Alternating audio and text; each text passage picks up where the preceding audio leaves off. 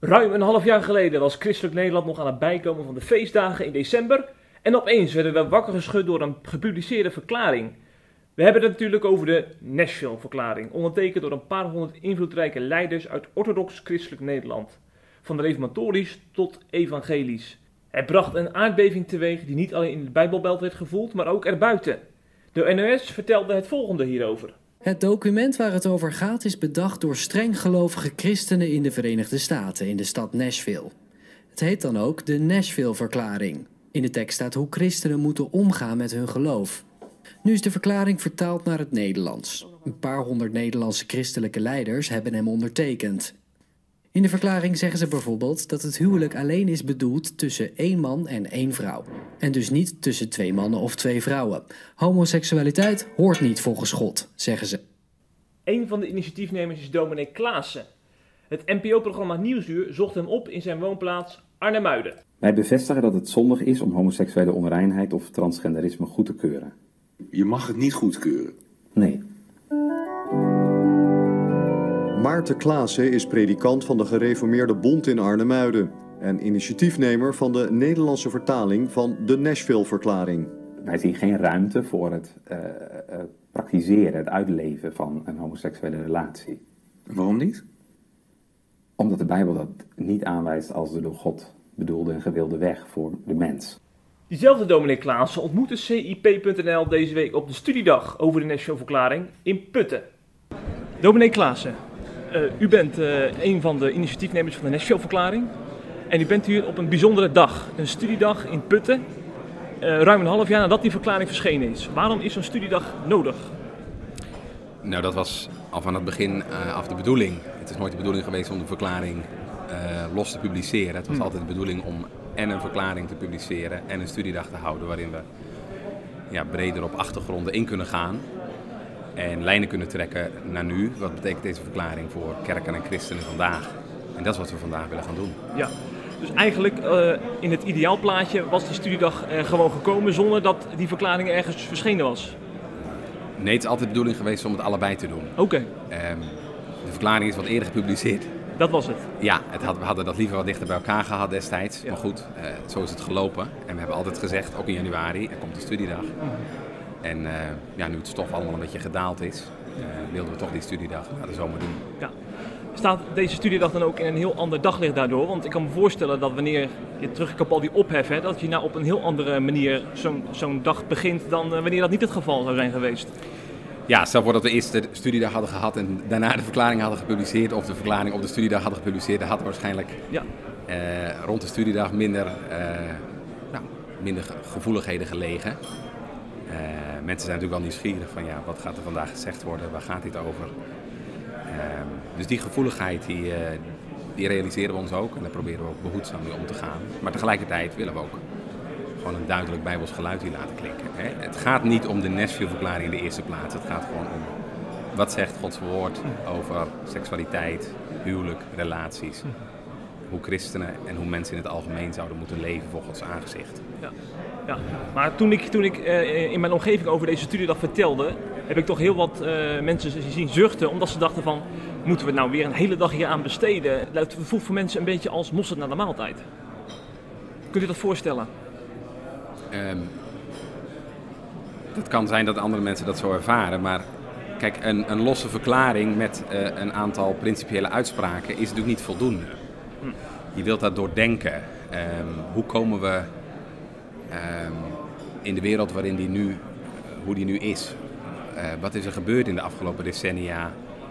Hoe moeten we de Bijbel eigenlijk interpreteren op dit punt? Want dan lopen de meningen ook heel erg uiteen. Wat betekent dit voor de pastorale praktijk? Dat vraagt veel verdere uitdieping en uitwerking. En dat is wat we vandaag willen doen. Ja. En um, ja, ik weet dat er in januari op een gegeven moment een hashtag rondging van Nashville Moe. ik kan me voorstellen dat sommige mensen zeggen, ja, uh, ik heb niet zoveel met dit onderwerp of uh, er wordt al zoveel over gezegd. Maar het, la laat zien um, dat dit een, een, thema is wat leeft. En um, uh, dit is een punt waar, waar het schuurt, ook, ook onder kerken en christenen. En daarom is het gewoon belangrijk dat we verdere duidelijkheid geven naar wat we in januari hebben gedaan. Ja. Volgens mij over een kwartiertje ongeveer dan gaan we beginnen hier eh, met de studiedag. Nou, als het nou dadelijk vijf uur is, hè, eind van de middag. Wanneer is deze dag dan geslaagd wat u betreft? Ehm, het is niet af na vandaag, zo staan we er ook niet in. Dit is een, ehm, een aanzet ehm, waarin wij voorgangers en eh, ambtsdragers en, en andere belangstellende christenen een stukje toerusting willen geven. Vanuit een heel eigen geluid. Ehm, en wij hopen dat dat eh, mensen helpt in hun verdere bezinning. Ehm, en misschien komt er nog een publicatie, een boekje waarin de lezingen uitgewerkt zullen worden. Eh, misschien komt er ooit nog een andere studiedag over thema's die vandaag naar boven komen. We gaan straks ook een enquête houden van waar hebben mensen toerusting nodig, waar is misschien meer nodig. En ehm, nou, het kan een vervolg krijgen, maar deze dag is geslaagd als we samen eerbiedig, respectvol, in nederigheid en zachtmoedigheid mogen luisteren naar wat Gods woord zegt. Oké, ja. Ik, eh, mooi dat, eh, dat jullie die bezinning over dit thema op gang willen brengen. Want heel veel christenen zijn met homoseksualiteit bezig, denk ik. Over wat de Bijbel hierover zegt. Maar dan vraag ik me toch af, eh, waarom hebben jullie dan bewust gekozen voor ehm, sprekers uit zeg maar, een bepaalde flank hè, van, van Christelijk Nederland? Want er is bijvoorbeeld vorig jaar een studiedag geweest, waarbij ook sprekers spraken uit, uit andere stromingen. Ik noem bijvoorbeeld de Vrijgemaakte of de, de Nederlandse Gereformeerde kerken, die misschien op dit punt eh, andere afwegingen maken. Kijk, de Nessie-verklaring wordt, eh, eh, is heel breed gedragen, van evangelisch tot, tot streng reformatorisch. Ehm, Rooms-Katholieken hebben hun adhesie betuigd. En wij hadden juist ook wel wat zorgen bij die studiedag vorig jaar. Dus in die zin mag je dit ook wel zien als een, als een tegenwicht. Om dit geluid kijk. te laten horen. In het ochtendgedeelte van de studiedag werden de aanwezige dominees, ouderlingen en andere belangstellenden getrakteerd op een cultuurhistorische lezing van diezelfde dominee Klaassen en een bijbels-theologische lezing van de herstelde vormde dominee P. de Vries. De Vries gaf een paar weken eerder op een christelijke conferentie in Elspet al een helder signaal af. Hij zei toen: Wie seksualiteit een legitieme plaats geeft buiten het huwelijk tussen één man en één vrouw is geen christen en kan geen onderdeel zijn van de christelijke kerk. Het waren nogal stevige lezingen van Klaassen en de Vries. In de pauze maak ik op mijn eigen manier even mijn hoofd leeg. Dat doe ik dit keer met een ode aan putten.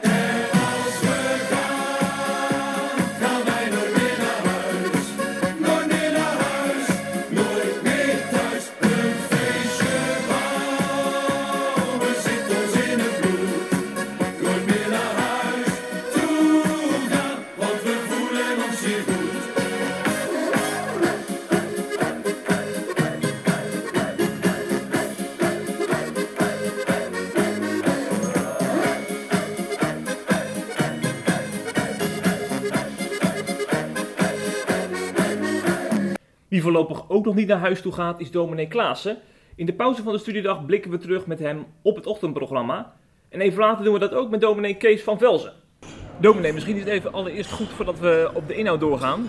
U, u bent eh, dominee in Arnhemuiden. Dat is een toch wel eh, mooi plaatsje in Zeeland. Hoe bevalt het daar eigenlijk? Goed? Ja, ik eh, sta met vreugde en dankbaarheid in Arnhemuiden. Ja. Een drukke, intensieve gemeente waar ik eh, eigenlijk tijd tekort kom. Dus Ja. eigenlijk moet ik dit soort dingen helemaal niet doen. Maar goed, ik vind het zo belangrijk van zoveel maatschappelijk eh, en kerkelijk belang ook. Deze discussie over, over seksualiteit, relaties, homoseksualiteit, dat ik me ja, daar toch wel graag voor in wil zetten. Ja. Maar gezien de werkdruk van de gemeente kan het eigenlijk niet. Nee, nee, precies. Eh, u bent ook bekend met dat eh, lied van Arnhemuiden. Ja, de klok.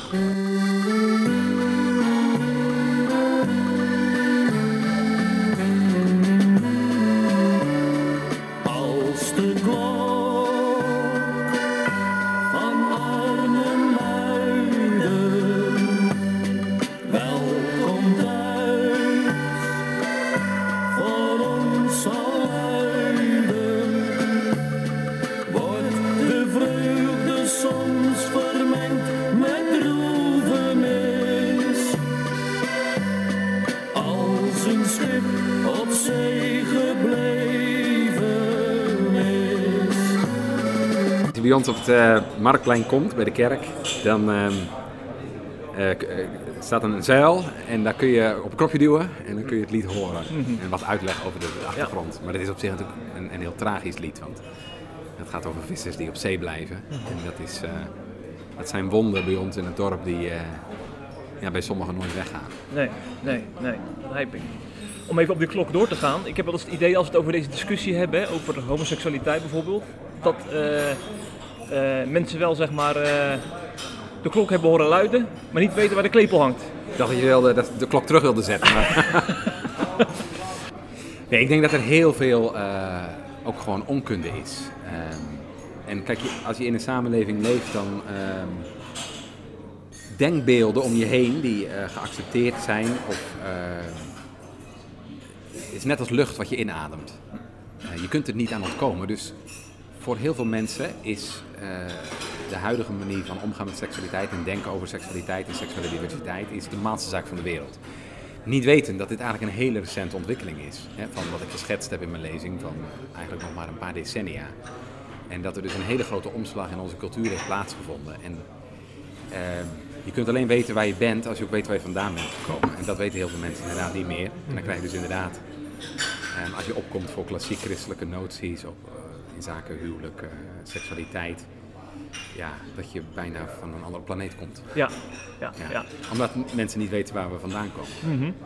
U eh, vertelde in uw lezing dat er een groot omslagpunt was in de jaren 60. Ja. Kunt u het nog eens even kort benoemen wat, u, wat, u, eh, wat er toen is gebeurd? Ja, ik noemde de jaren 60, maar dit, eigenlijk begint dat al decennia daarvoor. Ehm, en en het, het belangrijkste, het meest springende punt, denk ik, in de seksuele revolutie is dat ehm, je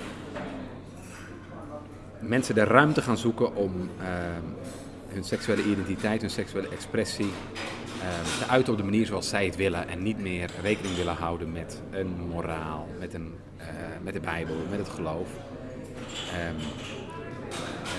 Je seksuele voorkeur, hoe je seksueel wilt leven, dat is iets heel subjectiefs, dat is iets van jou, dat is ook moreel neutraal. En daar kun je geen waardeoordeel aan hechten. De een houdt nou eenmaal liever meer hiervan, de ander ehm, houdt me liever daarvan. Ehm, en dat is natuurlijk echt een breuk met ja, denken in eeuwen daarvoor in, eh, in West-Europa. Ja, ja, ja. En hoe, hoe kwam dat zeg maar, tot uiting rondom die Nashville-verklaring? hè? Toen is natuurlijk enorm veel ophef ontstaan, ook in, eh, in heel Nederland, zeg maar. Mensen de hebben natuurlijk, hè, eh, eh, je kende dat liedje, eh, 15, 20 jaar geleden, 15 miljoen mensen, het kleine stukje aarde, die schrijf je niet de wetten voor, die laat je in hun waarde.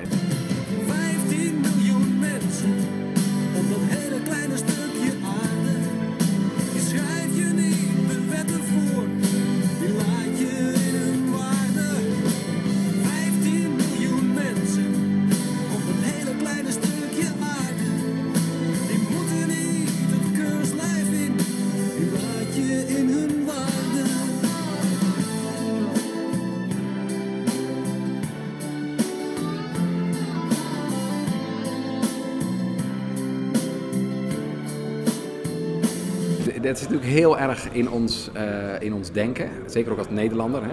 We willen- graag vrijgevochten zijn, ehm, zelf bepalen wat we willen. Ehm, en mensen worden dus ja, des duivels ehm, als het idee krijgen van, oh, er zijn mensen in onze samenleving die ons wel even zullen zeggen hoe het moet of hoe het niet moet. Je mag dus geen moreel oordeel meer vellen over, seksueel gedrag. En als christen denk ik dat je geroepen bent om dat wel te doen. Ehm, en juist ook positief, hè, dat, eh, eh, ehm, waar gaat het God om? Hè, het, het, huwelijk ehm, als ook een afspiegeling van de relatie tussen Christus en de gemeente. hè, Zoals eh, Miel de Rechter straks ook zijn, eh, de dag of de ochtend eindigde. Dat vond ik heel mooi, van wat verliezen we als we dit kwijtraken? Ehm, het huwelijk als een unieke instelling van God. Een relatie tussen man en vrouw die ook iets uitbeeldt van wie God zelf is. En eh, wie de Heer Jezus is voor zijn kinderen, voor de gelovigen. U, ja. U, Dat staat er op het spel. u het vaak over kwijtraken, inderdaad. Maar ik denk dan van, als ik nou kijk naar eh, de afgelopen jaren, naar mijn omgeving. Ik, ik kom regelmatig bijvoorbeeld eh, in de Bijbelbelt. Omdat ik daar heel veel mensen ken die zijn gaan trouwen, die, eh, eh, die ik ook bezoek voor, voor mijn werk. En ik zie dat het ook wel gewoon doorgaat, zeg maar. Eh, die manier van leven die, eh, die we als bijbelgetrouw omschrijven vaak. Hè? Het huwelijk van man en vrouw. Denk van, het is niet zo dat het ons wordt afgepakt of zo. Die manier van leven. Nee, natuurlijk niet, want iedereen mag zelf weten wat hij wil. Dus als jij dat wil, dan moet je dat vooral doen. Ehm, maar het wordt problematisch op het moment dat je zegt van ja, dit is Gods norm. En dat zou in principe voor, geldt dat voor ons allemaal. En daarom wijzen wij bepaald gedrag af. En eh, dit is natuurlijk niet alleen maar iets tussen kerk en samenleving, maar iets wat inmiddels ook gewoon de kerk zelf raakt. Ehm, ehm, hier zijn ook mensen vandaag op deze studiedag die hele andere gedachten daarover hebben. Dat in de kerk wel ruimte moet zijn voor, eh, ja, voor, voor eh, andere seksuele voorkeuren. Ehm, dus het raakt ook ons als kerk. En willen we dus als, als kerk nog ehm, een stem hebben in de samenleving en ook ehm, naar een komende generatie kunnen uitleggen waar we voor staan, dan zullen we nu eh, duidelijkheid moeten scheppen. Dat is wat de Nashville-verklaring wilde doen en dat is wat we ook met deze studiedag proberen te doen. Ja, ja. Nog even eh, terugkomend op een incident van eerder dit jaar. U wilde, na de Nashville-verklaring wilde u preken in Gorkum. Maar dat ging niet door. Wat gebeurde er? Ehm, wat er gebeurde was dat er in Gorkum onrust ontstond over het feit dat ik betrokken was bij die Nashville-verklaring en ik daar zondag zou volgaan. Ik heb daar overleg over gehad met de kerkraad toen. Ehm, ik heb gezegd, ik ben in principe bereid om te komen, maar ik wil ook jullie niet in een lastig pakket brengen. Want ja, geen, eh, geen gemeente zit te wachten natuurlijk op eh, reuring en eh, demonstraties. En er stond een demonstratie eh, gepland op het Kerkplein. Vreedzame demonstratie met eh, regenboogvlag en zo. Ehm, dus wij hebben toen in goed overleg, ehm, heeft de kerk naartoe gezegd van nou, dan vragen we nu een gastvoorganger. Zodat ehm, nou, hopelijk die, de druk wat van de ketel halen en de, de rust even terugkeert. En, nou, dat, daar, kon, daar kon ik in meekomen en ik kon dat ook begrijpen. Ja. Dus in zich, op zich is dat in goed overleg eh, gegaan. Ehm, omdat er ook in Gorkum een eh, online petitie was. Ja, dat wil je gewoon niet. Je wil rust rond een, een kerkdienst, moet gewoon rust zijn en eh, moet Gods woord centraal staan. En, eh, nog zij, nog ik zat erop te wachten. Maar als ik dan dit soort dingen hoor, ik vind het eigenlijk heel erg. Want ik denk van, eh, in, in een vrij land, dan moet een dominee zeker een Nashville-verklaring kunnen ondertekenen en eh, kunnen voorstaan. Maar dan denk ik van, hadden we dit kunnen voorzien en had die verklaring, was het misschien een brug te ver om om die manier je boodschap eh, voor het voetlicht te brengen? Want het is, het is nogal wat wat het heeft losgemaakt allemaal. Ontzettend. Ehm, dat hebben we natuurlijk niet voorzien in deze mate. En dat het ja, niet heel senang ligt in de samenleving, dat, eh, dat snappen we ook wel. Aan de andere kant, ehm, de vraag die denk ik heel belangrijk is, mogen wij als kerken en als christenen nog zeggen wat we op grond van ons geloof denken en vinden? Dat staat ook op het spel. In die zin was het misschien een steen in de vijver, maar dat gaf ook wel weer een hele hoop duidelijkheid. Hè. Er zijn eh, tot in juristenbladen artikelen geschreven van kan dit, kan dit niet. En dat is ook voor de toekomst zo belangrijk. Kunnen wij als kerk bepaalde gedragingen afwijzen? Kunnen wij opkomen voor waar we altijd voor gestaan hebben als kerk? Of kan dat niet meer? Ehm, dus in die zin is het ook een soort testcase. Van, hè, er loopt een onderzoek bij het Openbaar Ministerie. En goed, daar is nog geen uh, uitsluitsel over. Maar in die zin vind ik dat ook wel. En er zijn er nu al juristen die zeggen: ja, dit, dit hebben christenen altijd gezegd en gevonden. Dus dat moet, gewoon, dat moet je gewoon kunnen blijven zeggen. Hoe, ehm, bij, bij hoeveel mensen dat misschien dan ook wringt. Ja. Hè? Nou, dat verhaal begrijp ik. Maar is het, is het niet een, een zwaktebod wanneer je zeg maar, een soort van een bijlage bij de Bijbel nodig hebt om, om dat duidelijk te maken? Want de Bijbel is toch voldoende, lijkt mij. De dokter De Vries heeft duidelijk ook eh, Bijbelteksten toegelicht. Ja, maar in hoeverre zijn die bekend? Ehm, kijk, de kerk heeft altijd eh, de eeuwen door hè, op, op, op, op punten waar het op spande, waar discussie over was, ehm, zich gedrongen gevoeld om, om beleidend naar buiten te komen, beleidende uitspraken te doen. Hè, toen de godheid van Jezus in het geding was. Ehm, eh, rond de drie-eenheid, daar hebben we in de vroege kerk al beleidingsverschriften eh, zijn erover opgesteld. Ehm, vandaag is een springend punt eh, niet zozeer het, de godheid van Jezus of zo, maar het springend punt vandaag is relaties, huwelijk, seksualiteit. Dat is een heel spannend ding in de samenleving, dus dat raakt ook ons als kerken. We zien kerken daar ook koerswijzigingen maken. Dus vonden we het belangrijk om een, ja, in die zin een duidelijk statement te maken. Dat, dat is wel gebeurd, ja. Ja, ja, ja. Ja. Nou, en eh, u heeft ook heel wat te- eh, telefoontjes en mailtjes gehad, ook eh naar aanleiding van uw media optreden volgens mij. Want u heeft de Nashville-verklaring regelmatig toegelicht ook. Ja. En die waren niet altijd even lovend. heel wisselend. Je, krijgt, eh, je krijgt bagger over je heen. Eh, ik heb echt honderden mails gekregen en reacties. Ehm, het is ook een hele rare gewaarwording om zondag te moeten preken met eh, politie rond de kerk en Ja? in de kerk. Je was aanwezig Ja, in ja, Arnhemuiden? Ja, ja, ja. ja. Oh, want ik zag hier vanochtend ook een politiebusje staan met Ja. wat mannen. Was het ook om, om deze Ja. reden? Ja, Dat deze studiedag wordt georganiseerd? ja. Dan houd het in de gaten. Oké. Zo, dat gaat wel heel ver, moet ik Ja, zeggen. welkom in Nederland 2019. Maar heeft het gaat het specifiek over u of over, over iedereen die hier is, die Nou, politiebegeleiding? überhaupt, Nashville ligt überhaupt gevoelig in de samenleving. Dus, En het is gelukkig niet gebeurd tot nu toe, maar eh, kijk, een, eh, een Nashville studiedag eh, kan kracht in beweging brengen, kan mensen op de been brengen. Eh, nou, tot nu toe valt dat mee.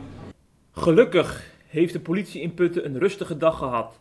Totdat gastheer dominee Lagendijk vertelde dat de waterleiding in Putten was gesprongen die middag. Urenlang konden we niet naar de wc. Gelukkig konden de mannenbroeders een blaas legen aan de overkant in het gemeentehuis van Putten. Ik heb hier voor me Kees van Velzen, een voormalig voorganger uit De Pijler. Een best wel forse evangelische gemeente in Lelystad. Nou, eh spreken we elkaar met name vaak over Israël, want je staat ook op de sprekerslijst van Christenen voor Israël. Klopt. Maar je hebt van eh, meer me- onderwerpen verstand.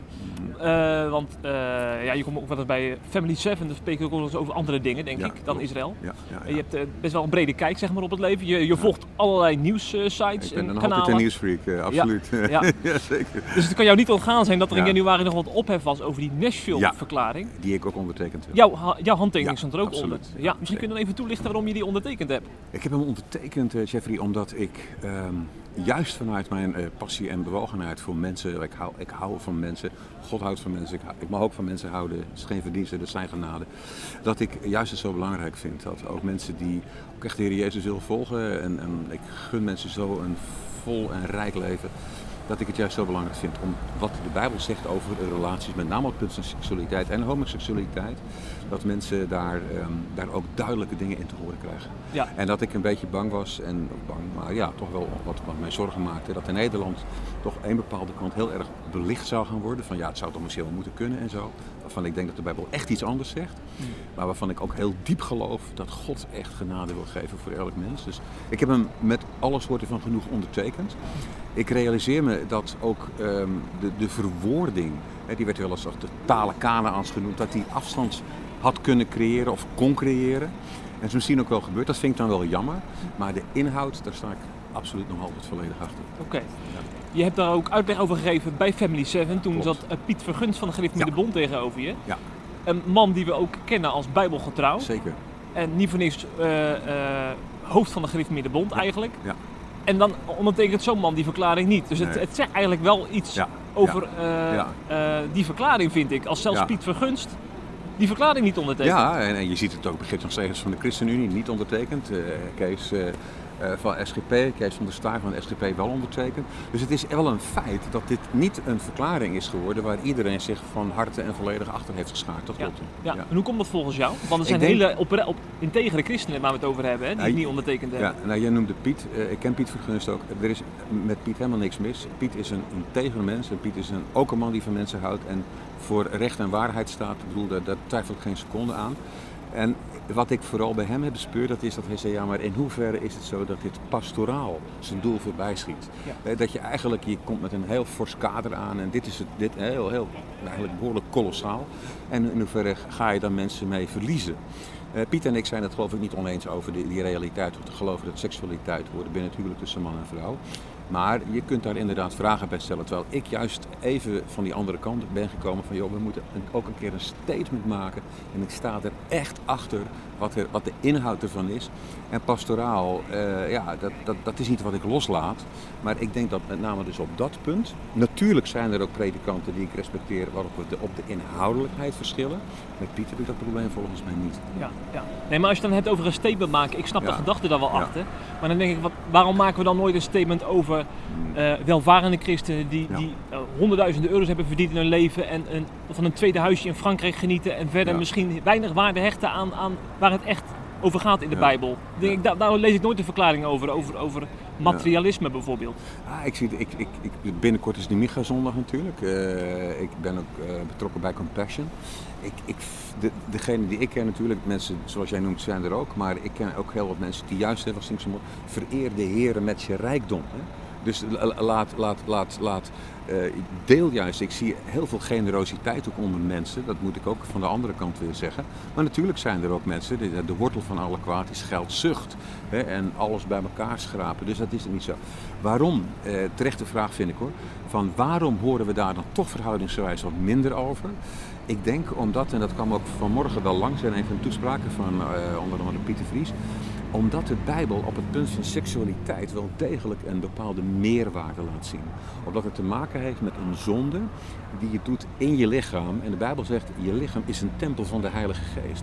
Dus, dus daar zit, dat, ik kun zeggen, is het daarmee een soort buitencategorie? Ja, is mijn overtuiging. Maar alle zonde is beneden de streep. En dat, dat zonde is gewoon zonde.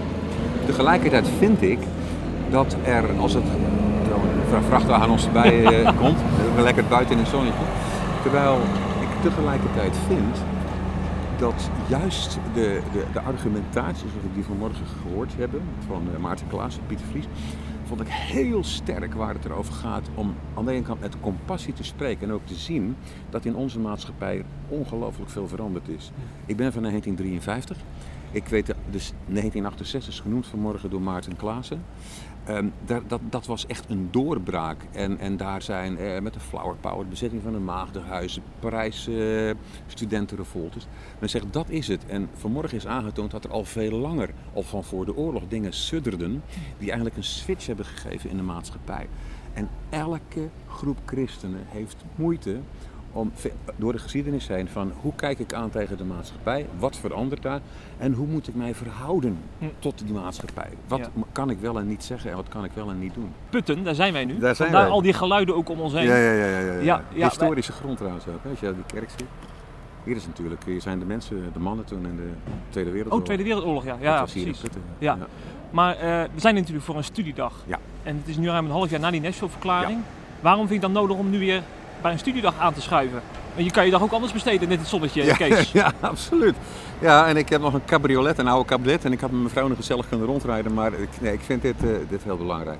Ik vind het belangrijk, eh, Jeffrey, omdat ehm, het heeft heel veel losgemaakt. Er stond in het dagblad Trouw vanmorgen een stuk van misschien wel eh waren we niet zo blij mee. Ik ben juist heel blij met allerlei gesprekken die gekomen zijn.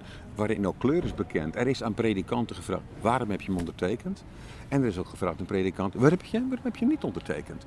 En dat gesprek is zo en het debat is zo belangrijk. Dus ik, eh, ik, ik vind het ook belangrijk om een soort update te krijgen. En ik vond het twee hele goede studies die ik vanmorgen eigenlijk vier moet ik zeggen. Ook eh Miel de Rechter, die ik als een persoonlijke vriend beschouw. Predikant uit Hilversum, uit Hilversum, sorry, uit Limburg. Die zo een appel deed om de schoonheid eh, te bewaren en ook de schoonheid hoe God het bedoeld heeft. Dat ik ben ontzettend bemoedigd in datgene wat ik hier meemaak. En ik vind het echt een soort opfrissen. En ook, ik ben nog altijd benieuwd, want er zou nog een opnieuwe verwoording komen van, eh, van de verklaring. Dus ik zie dat ook met heel veel belangstelling tegemoet. Ik ben erg benieuwd. Ik vind veel mensen aanwezig. Nou, En ook veel mannen in pakken, absoluut. Zoals ik zelf ook in een pak zit. Maar eh, ik, ja, ik ben blij met deze dag, wat ik nu tot nu toe gehoord heb. Ja. nou moet ik er wel aan toevoegen, ik zou het eigenlijk toch wel waarderen als nou op zo'n dag dat er ook een, bijvoorbeeld een type Jean Lapré een, Ja. een lezing zou kunnen geven. Want dat is bijvoorbeeld een man die in bepaalde gezintes die hier ook aanwezig zijn echt wordt verketterd. Hè? Hmm. En dan denk ik van als hij nou gewoon zijn, zijn eh, visie op dit onderwerp kan, kan geven, wat, wat zou daar mis mee zijn? Ja, ook daar, kijk, ik, ik ken John niet persoonlijk. Eh, ik, ik Voor de duidelijkheid, we hebben het over eh, een, een, een jongen uit Ja. de reformatorische gezin die uit de kast is gekomen. En Precies, inmiddels getrouwd met Inmiddels een, getrouwd is met een man. Eh, en, en hij zit nog bij de marine, heb ik begrepen en zo. Hij lijkt me een sympathiek mens. Hij heeft natuurlijk aan de andere kant ook uitgebreid zijn verhaal mogen doen bij de Evangelische Omroep, en de Kastenkerk en het Koninkrijk. Ik als oud-EO'er was met dat programma bepaald niet gelukkig. Dat, dat zal misschien ook weinigen verbazen dat ik dat zeg. En ik vind het ook wel eens goed dat, en dat bleek ook uit wat, degene wat Pieter Vries, eh, dokter Pieter Vries net gezegd heeft, waarin hij ook argumenten weegt en zegt van kijk, dit is wat de Bijbel zegt, maar dit is wat er tegenin gebracht wordt. Dus in dit geval met zo'n studiedag vind ik het prima eh, om, om, om, om, om het van deze kant te horen, waarbij de sprekers tot nu toe hebben meegewogen wat er gebeurt en wat er in de maatschappij gebeurt. Hm. En ja, John heeft eh, inderdaad zijn verhaal eh, zeker kunnen doen, ook bij jullie.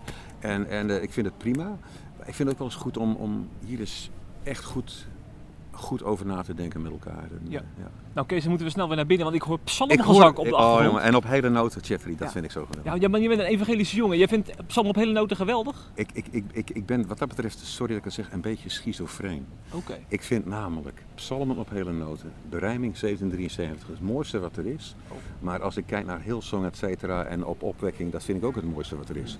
50-50, ik vind het super. Oké, dan rennen we snel binnen om nog de psalmen mee te kunnen maken. Yes, sir. Oké.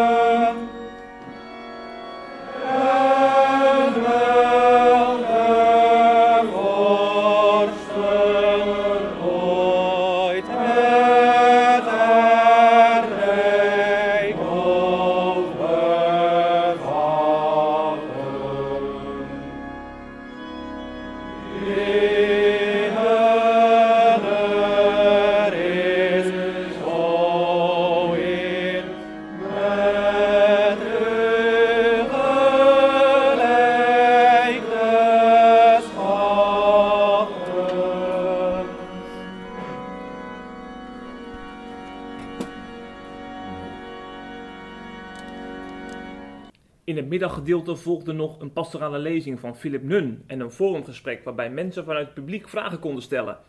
Wij stellen onze laatste vraag aan dominee Peter Vries, naar aanleiding van zijn prikkelende uitspraken. Eh dominee de Vries, ik wil nog heel even terugkomen op de Haamstedenconferentie, als u het goed vindt. Eh, want dat linkte ook wel een beetje met deze studiedag van Nashville. Hè? Eh, u beschreef daar ook eh, eh, theologische ontwikkelingen in eh, christelijk Nederland. En eh, u maakte daar, daar, nog, daar nog wel een statement van, vond ik eigenlijk. Eh, u zei namelijk dat wanneer je niet erkent dat het huwelijk voor één man en één vrouw is, dat je eigenlijk geen christen bent. Staat u er nog steeds achter, achter die Ja, uitspraak? in de zin van geen navolgeling van Christus. Oké. Iemand kan wel een lid van de kerk zijn, Ja. maar Christus zegt niet iedereen die zegt Heere, Heere gaat het koninkrijk der hemelen binnen, maar die daar doet de wil van de Vader die in de hemel is. Waarbij ik wel heel nadrukkelijk wil zeggen, voor iedereen die zijn zonde beleidt en nalaat is ze vergeven. Ja. En of het een grote zonde is of een kleine zonde, dan begrijp ik ook wel dat vooruitgrijpen op het huwelijk van een andere orde is dan overspel. Maar het is heel belangrijk dat je zonde als zonde blijft zien. En dan zeg ik, dan weet ik dat er bij God genade is als iemand zijn zonde beleidt en nalaat. Ja, ja. Dus ik sta er nog helemaal achter. Ja, precies. Maar dan denk ik aan mensen die zeg maar, een jaar daarvoor al een studiedag hadden or- georganiseerd. Van, ook vanuit de Theologische Universiteit in Kampen volgens mij. Daar waren ook eh, broeders, ook theologen, die de Bijbel eh, waarschijnlijk anders lezen dan u. Ja. En tot andere conclusies komen. Klopt. En dan denk ik van, maar dat zijn ook mensen die daar heel integer mee bezig zijn met dat woord. Die worden dan eigenlijk wel in een hokje geplaatst door u zo. Buitenspel ik- gezet. Nou, het gaat er mij niet om dat mensen niet integer zijn. Eh, ik geloof ook van niet-christenen dat ze integer zijn in principe. Ja. Maar dat iemand persoonlijk integer is en subjectief oprecht wil nog niet zeggen dat hij gelijk heeft.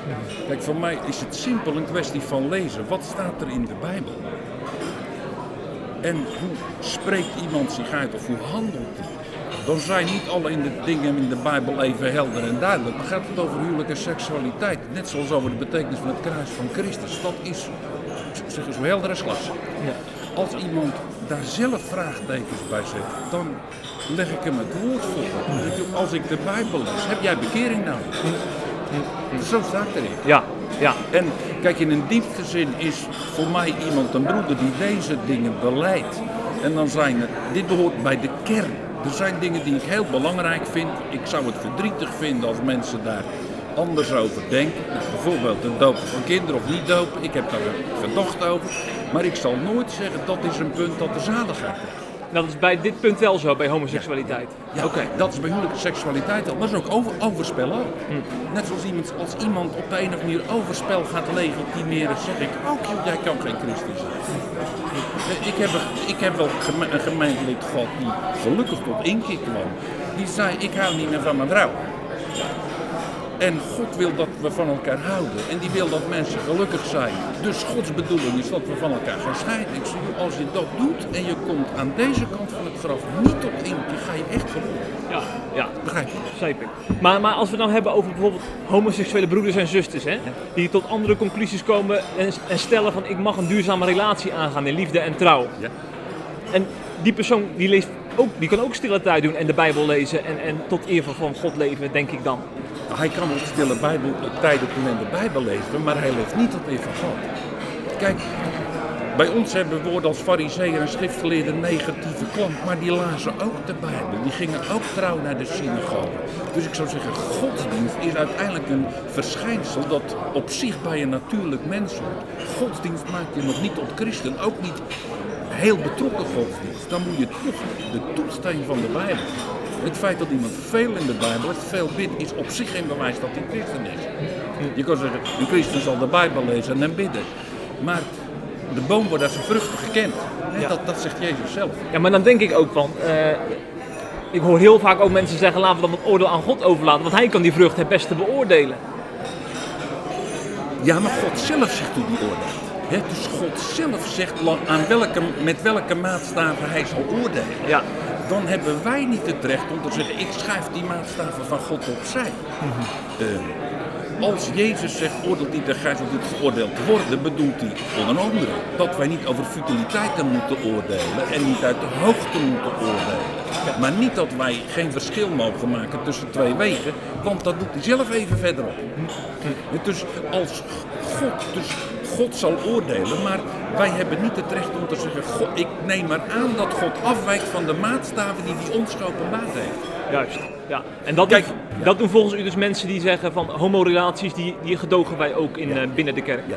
Kijk, het wordt wel kwalijk als je zegt, zo iemand die schrijven we af. Want wij weten nooit of iemand niet tot bekering komt. Kijk, en dan is het grote gevaar dat iemand heel deugdzaam, maar wel eigengerechtig is. En dan zou het kunnen zijn dat iemand die nog veel gekkere dingen gedaan heeft dan, dan een duurzame homoseksuele relatie tot inkeer komt en jou voorgaat.